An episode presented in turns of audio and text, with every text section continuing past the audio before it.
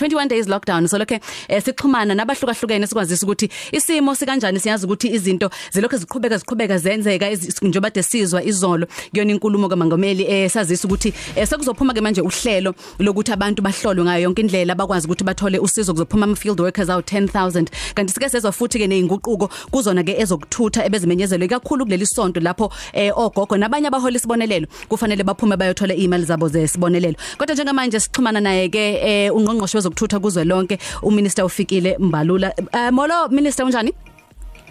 Eh ndiyabingelela na bonke abalaleli bekhosi FM noma Eh siyazi minister siyazi minister ukuthi eh nimatasa tasa kakhulu ngalesikhathi. Sibonga kakhulu nje ukuthi usiboleke imzuzwana namhlanje ekseni khona sizokwazi ukuthi sithole ukuthi kuhamba kanjani. Mhlambe ake siqale nje sibheke isimo sisonke siyazi ukuthi kube khona ukukhala okuningi ngesonto ledlule ezinye izinto nakwazi ukuthi nizibuyekeze kuleli viki. Kwaphuma e, ezinye izimemezelo ezahlukahlukene ukulekelela abantu ukuthi bafinyelele endaweni bathola isibonelelo bafinyelele emsebenzini. Kusetshenziswane futhi eh, nama stakeholders kade nomhlangano izolo ebusuku nabo nabo abemboni. Isimo sisonke sithini?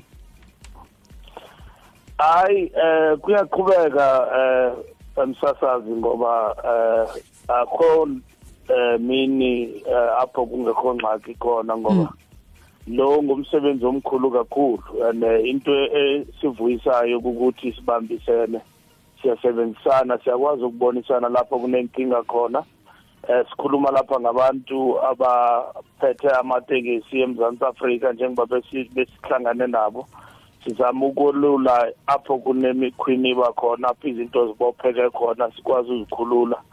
Eh malungana nezikhalazo zokuthi ixesha kufuneka sililungisile siphozi kwayo lo mcimbi lowo nokuthi ezinye zezinto kufuneka sizilungise zimalungana nexesha nokuthi bangaphi eh abantu ekufuneka babe ngaphakathi kwetekisi eh amanani njalo njalo ngoba eh kuthethwa sithetha ngento ye 60% besilungisa lonto sizawuthi ke xa sesigqibile namhlanje eh sikhuphe ezinye indlela zokuthi mhlawumbe sizaqhubeka kanjani ukuya phambili. Eh minister kukhona ke wabuza indaba yokuhamba amabanga amade indaba yokuthi eh njengoba kukuleli sonto ikakhulu kuleli sonto la kuthe ukuthanjiswa kancane izinto ukuze abantu bakwazi bafinyelele endaweni ezahlukahlukene. Sibheke leyo lokuthi long distance travel. Ikakhulu umunye kwababuza indaba ukuthi asithi kudlula emhlabeni isihlobo sakhe mhlambe se Eastern Cape noma se Free State yena ela eKZN wenze njani? Uyakwazi ukuthi ahambe? Amaphepha alokho azaqhamukapi oma permit njalo njalo.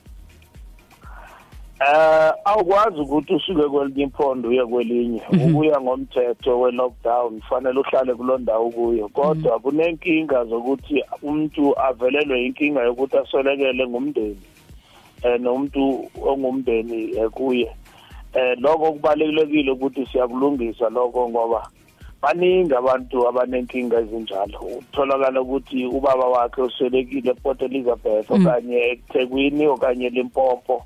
Ukhuphuka eKapa njengabanye bekhuphuka eGoli besiya eKapa njalo njalo beyongcwaba so eh kuya umthetho uthi akuvumelekanga ukuthi abantu bahambe baye kwezinye indawo kodwa eh awungandeli abantu ukuthi bangakwazi ukuhamba and eh bayongcwaba imindeni yabo into ekufuneka siyilungisile leyo ukuthi mm. Icace apha emthethweni ukwazi ukuthi abantu bakwazi ukuphumelela ngoba sekukho omnye umuntu othathe uhulumeni wamse court ngapha ngasempumalanga ngoba befuna uyongcwaba eEastern Cape mm. wahlulakala kwinkantolo inkantolo yamalela ukuthi ahamba ayongcwaba so sengumthetho manje mm, mm. eh ukuthi ungahambi uyongcwaba uye kwenye indawo uyongcwaba manje into esibona ukuthi inamasikizi ngoba ungacabanga nje ukuthi ungakwazi ukuyongcwaba umndeni ngakhulu mm. kakhulu mhlawumbe utatakho noma umama wakho into enamasikizi kakhulu leyo mm.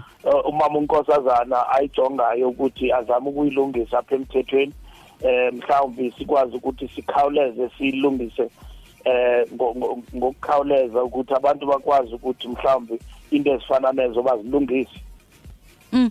Eh minister mhlawumbe nje ngaphambi kokuthi sikudedele yebo nibe nawo umhlangano izolo eh nabo abamele imboni yamatekisi niyaxoxisana nezinhlaka ezahlukahlukene nabanayo nabanawo ke umhlangano nabo OMEC ebezokuthutha kuzona izifundazwe ezahlukahlukene. Kodwa kulokho kuqhamuke lo mbuzo wokuthi njengoba abanye kwezinye izimboni kuona umnotho wethu bezokwazi ukuthi bancephezeleke ngeinhlelo ezithile ezithile ezithile zikahulumeni. Njengoba simile ekuthenini 60% ekuya ngokuthi ke imoto ingakanani masibheka bona bezokuthutha babamatekisi ngabe mhlawumbe sizoba khona nisinxephezelo nokubhekeleleka ngoba ushoda uzoqhuma wona? Ah ushoda uzohlala uqhuma sisi. Into besiyibuka yiyo leyo eh sijonge ngezomnotho ukuthi mhlawumbe khona okungayenzeka eh ngoba inkinga esinayo eh ngoba uhulumente ungenelele eh kosomashishini.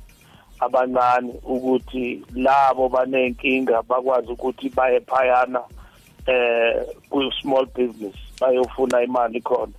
Inkinga ezikhoyo ke manje lana besizama ukukhuluma ngazo ukuthi kungenzeka ukuthi mhlawumbe nabantu bamatekisi bakwazi ukuthi eh basizeke. If bayasizeka bazosizeka kanjani. Minister enkosi kakhulu ngexesha lakho. Ngiyabulela enkosi Minister Fikile Mbalula ongqongqoshe zokuthutha kuzolonke sizolokho sixhumana ke nabo sixoxisana sizwa ukuthi ngabe eh, kuhamba kanjani ezinye izinto kuhlangatshezwana nazo ngendlela kube ukuthi kubonakala hey naku konakala la nakho kuvuzavuza njengoba echaza eh, uminister ukuthi okunye kuyakubonakala ngaleso sikhathi kuthiwa ke ake kuphuthunywe kulungiswe.